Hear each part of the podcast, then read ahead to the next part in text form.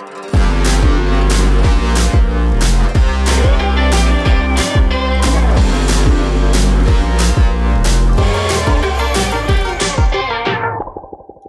everyone listening to this podcast. I'm Justina Milashauskine, attorney at law, a senior associate and fintech expert at Cobalt Law Firm in Lithuania. It is my pleasure to introduce an experienced payments lawyer having specific in depth knowledge in card scheme programs, fintech, regtech, and emerging payments expert, Dr. Zsuzsa Somogyi.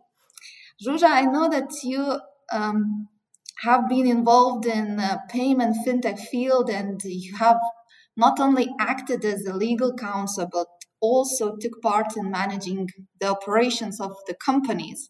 Am I correct? Could you please elaborate on this? Hi, Justina. First of all, thank you so much for inviting me uh, to this podcast. It is my pleasure to talk to you about these kind of uh, issues. Yes, I have a quite elaborate experience because in the last eight years, I was not only acting as an MLRO, head of compliance, head of legal of several uh, fintech companies, but also as a CEO. And also, I was managing operational part as well. So, yes, I have experience, you know, how card schemes are working, how fintech companies are working. And I believe that it is a very, very exciting young market. And I think that uh, our conversation will show that there is still a lot to develop on this market. Zsuzsa, I could not find a better person uh, to speak with on this very hot topic. Uh, the largest accounting fraud in German post war history, and probably the biggest fintech scandal in the whole EU Wirecard fraud. Um, let me shortly explain to our listeners um, what had happened with this once Europe's largest fintech company. So, Wirecard, a fintech company which was founded in 1999, um, is based in Munich. And in the recent years, the company boomed as a provider of d- digital payment services.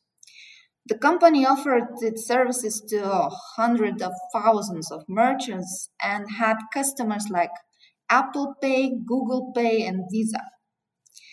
And what happened in less than a fortnight, Wirecard has gone from one of the Europe's most hyped financial technology firms to insolvency all but extinguishing the value of the company that was once worth almost 20 billion euros. After years of rising suspicion, dodge investigative reporting, and growing short interest, it was the company's own admission on um, 18th of June, which was almost three weeks ago, that auditors could not allocate 1.9 billion of cash. Uh, the German company Wirecard, uh, which um, employs around 6,000 of staff in 26 countries, initially claimed that money was held in the accounts of two banks in Philippines. But later on, Wirecard admitted that the money simply may not exist. This caused Wirecard filing for insolvency. Um, the shares dived almost 80%, and former CEO Markus Braun, was arrested and accused of inflating Wirecard finances to make them appear healthier to investors and customers. The firm's creditors now stand to lose billions of euros from the scandal. So, what would be the outcome of the scandal? Had it an impact on the reputation of other fintech companies? And what actions need to be taken by fintech companies which choose to partner with this um, German giant company before.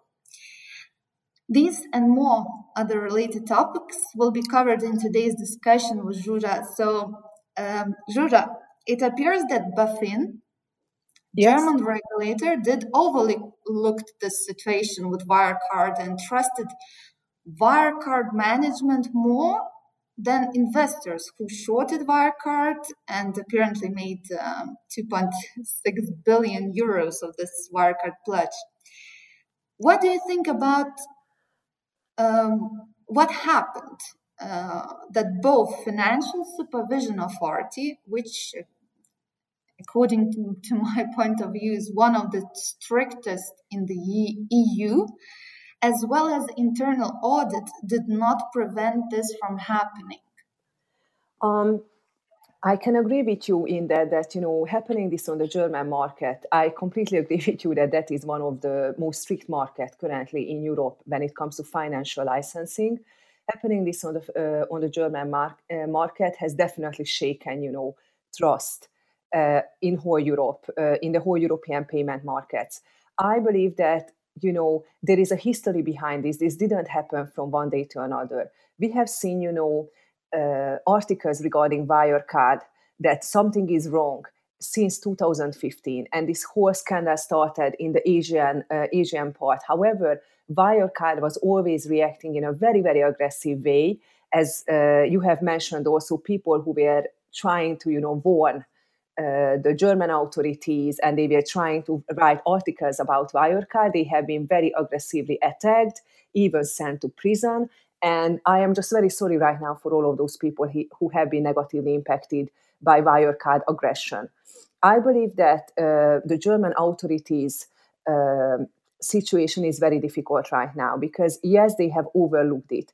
How they could overlook it, that is a question. I believe that Wirecard has played, you know, uh, a very, very, um, um a very, very not true transparent um, fund flow basically if you are looking at how how they have established you know and how they have been moving money in the in the asian market shows that there was a lot of transparency from the beginning. I am assuming that was not uh, an accident. And therefore i believe that BaFin was facing a situation where they had this large company with a with a very very good standing with a very very good reputation. If there was any attack on the re- uh, reputation there was a huge aggressive uh, response to that and we need to see as well that Wirecard has thousands of employees. So I believe that, you know, when it comes to BaFin and they needed to take decisions regarding this, it was always a very difficult decision because you are risking actually the, the position of thousands of employees, you are risking the reputation. And I agree with you that they should have reacted much earlier. And I believe that this is shaking now the German um, trust in their own financial systems. And I, we can see every day the articles about you know that there will be a lot of people making responsible for it. But i believe that i have seen this many many uh, several times on the um, on the fintech market you know that because it's quite young still and emerging market and basically the regulation is running after the market you know development that's why and if you are looking at how fast wirecard has been growing and how much trust was placed into Wirecard, I still believe that sometimes people are acting uh, in good faith. I don't think that uh, that uh, BaFin was trying to overlook it, but I believe that you know they were facing um, a company which a big reputation, which uh, big employee numbers, and they, it was just you know they they had trust they had too much trust in uh, Wirecard's leadership, and they should have not. But I think it's very easy, you know, to um, to assume something right now. But you and me, we know that the financial conduct authorities are trying to do their job in the best way possible. So how it could be overlooked, mm-hmm. I think that there will be an investigation about this in the next couple of years, how this could have happened. Mm. And I think it will certainly, this investigation that you are talking um, about, it will certainly lead to some regulatory changes. Um, do you think that uh, this scandal um, and apparently insufficient support from internal audit team um, would cause fintech companies to spend more money on compliance? I believe that we can see an emergent emerging trend that fintech companies are spending more and more on compliance because the compliance burden is more and more uh, important. And I believe that the Wirecard scandal and the last year's uh, additional scandals, what we have seen in other com- other fintech companies, shows that compliance is needed. I think that in five, six years ago, and maybe you can confirm that, I have seen with my clients that you know they they handled compliance as something which is an unnecessary burden. They don't like it, but they have to do it. And usually, compliance departments yeah. are the one who everyone hates. You know. However, I think that now yeah. people are understanding, especially with the fourth AML directive, which uh, brought in the risk-based approach, that that compliance is not there to make the business harder. Compliance is there to lower your business risk and to ensure that you know with whom you are doing business with. However, I must add that I believe that this is what will change also on the fintech market, not on the, only from the regulational wise, but, but all of the small companies who were relying on Wirecard because Wirecard was a transaction processor, an e-money issuer, a BIN sponsor, an acquirer. So basically, they have provided all of the packages. And you know, as a small fintech company, you would like to have this all-around package.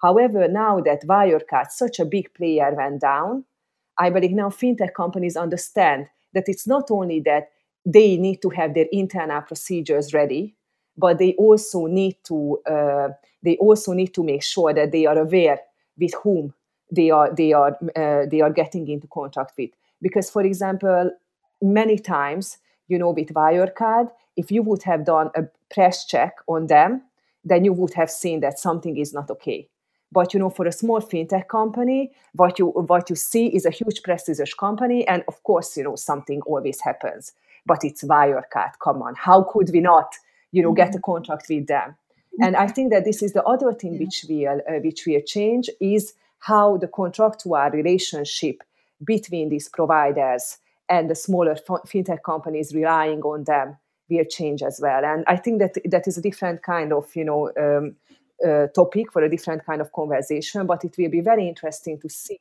how mm-hmm. Wirecard going down will shape the business and how it will make bigger uh, uh equality between small fintech companies and these big providers. So, Zsuzsa, you are a card yes. scheme expert. Please spill some tea. What's happening now in the market? Um, what are the thoughts of fintech companies uh, which um, had these contracts with um, Wirecard, either for BIN sponsorship or um, card scheme programs um, in general? Um, could you give us more insights on uh, what is currently happening and uh, have fintech company, companies already uh, taken this, some actions related to this um, scandal? Look, in general, everyone is very, very scared. Everyone is shocked. I think that the, uh, the biggest issue is that all of the cardholders, the hundreds of thousands of cardholders who had uh, or millions of cardholders who had card under Wirecard issued to them and, and what is happening with their money. I think that it's a very, very good thing that already in the regulatory standards it is written that first and more, foremost the cardholder needs to be protected and the cardholder funds needs to be protected.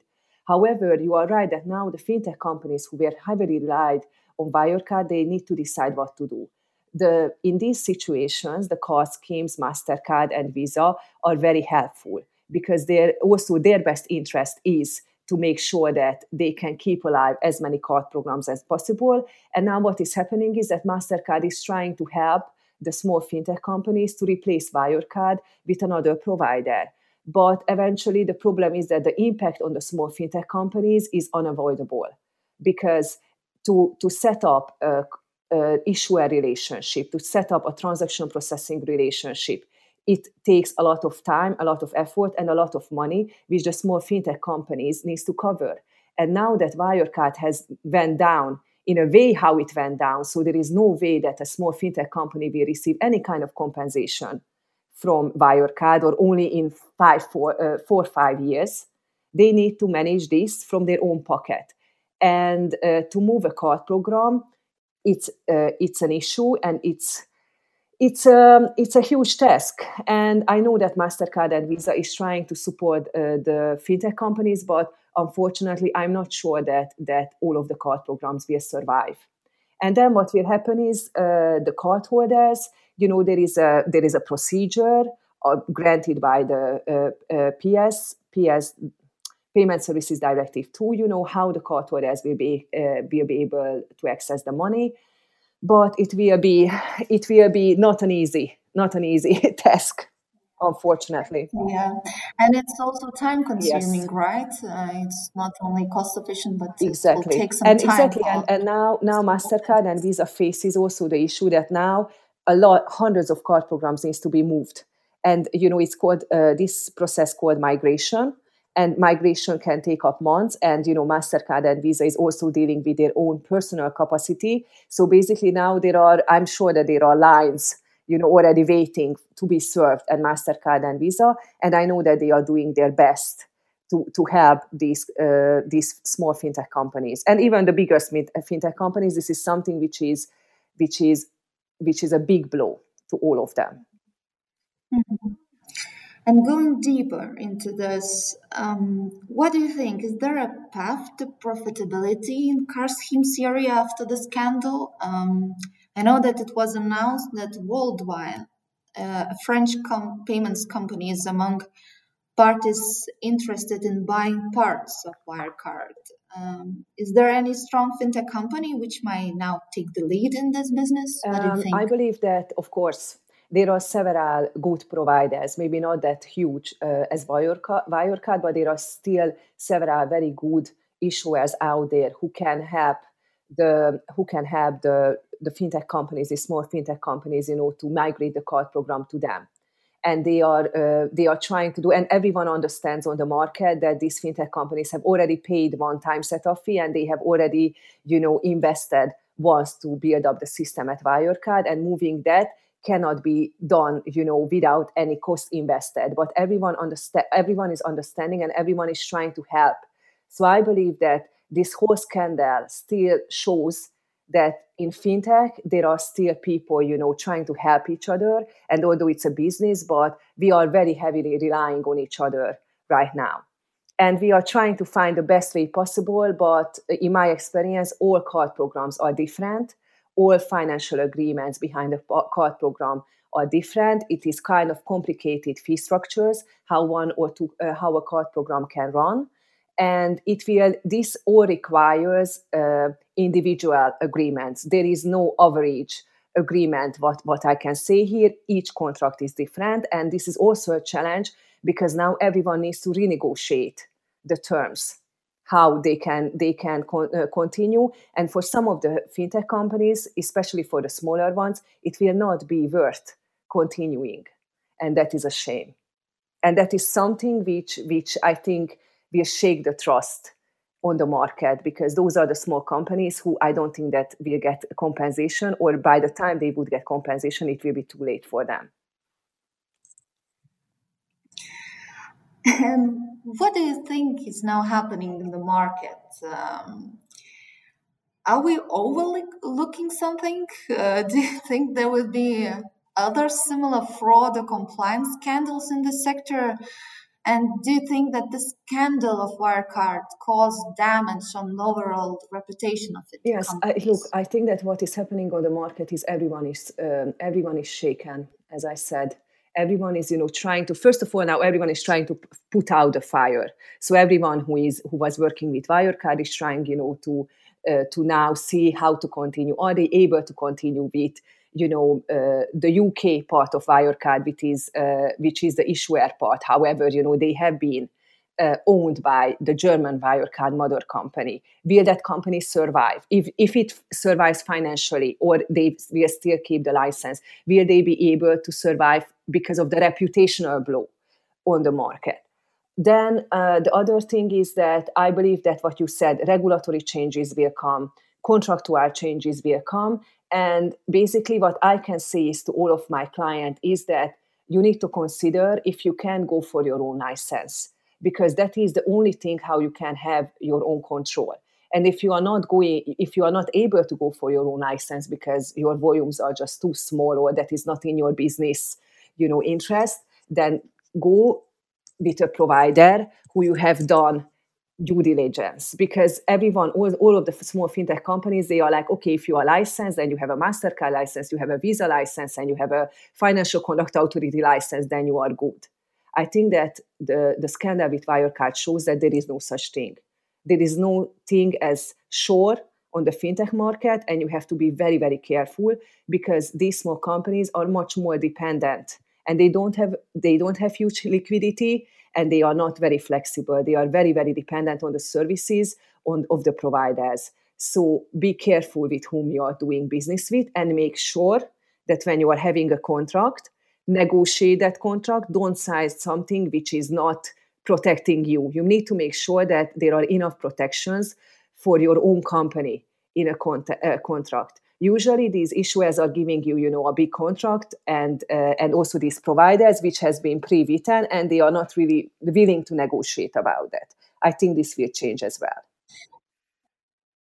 yeah, I think um, that's crucial. The uh, points that you mentioned to make sure that the company is uh, safe and all the agreements um, drafted in the way that the fintech is um, uh, save in any cases, uh, specifically in this involving market. And uh, and if I might add, have a good legal team, like have a really because because what I can see is that you know we are talking about fintech, which is financial technologies. And I see that you know the, the market is full of very very talented people, but but many people are you know uh, approaching a, a product, any kind of fintech product, from an IT point of view, or from a customer point of view or from a business point of view. And sometimes you know we are uh, they tend to neglect the compliance part because yes yes yes that is that has to be done. But i believe that the involvement of a good lawyer team from the beginning or a legal counsel or whoever just make sure that you have someone holding your hand from the very beginning when you are starting your to business because that that person that legal person can point you out all of the pitfalls. Somehow we legal and compliance we are always preparing for the worst. And and yes sometimes that is not needed. But unfortunately in this case it would have been good and i really hope that that those fintech companies have some kind of cover contractual cover or some kind of cover which can save them so let's conclude and hope uh, that the lessons uh, would be learned and with compliance and regulatory changes, uh, we will have the trust again in this emerging fintech uh, sector. Uh, thank you so much uh, for your insights, for your thoughts. Um, I hope everyone who is listening this podcast enjoyed um, having you as a um, key person speaking today about Wirecard scandal. Um, thank you again, and have a thank you so day. much, Justina, and everyone out there. You know, impacted uh, to this. Don't give up the hope. This happens, but you can survive, and it will be okay. thank you so much for inviting me to this uh, podcast, Justina, and it was my pleasure. Thank you. Thank bye you. Bye. Bye. bye.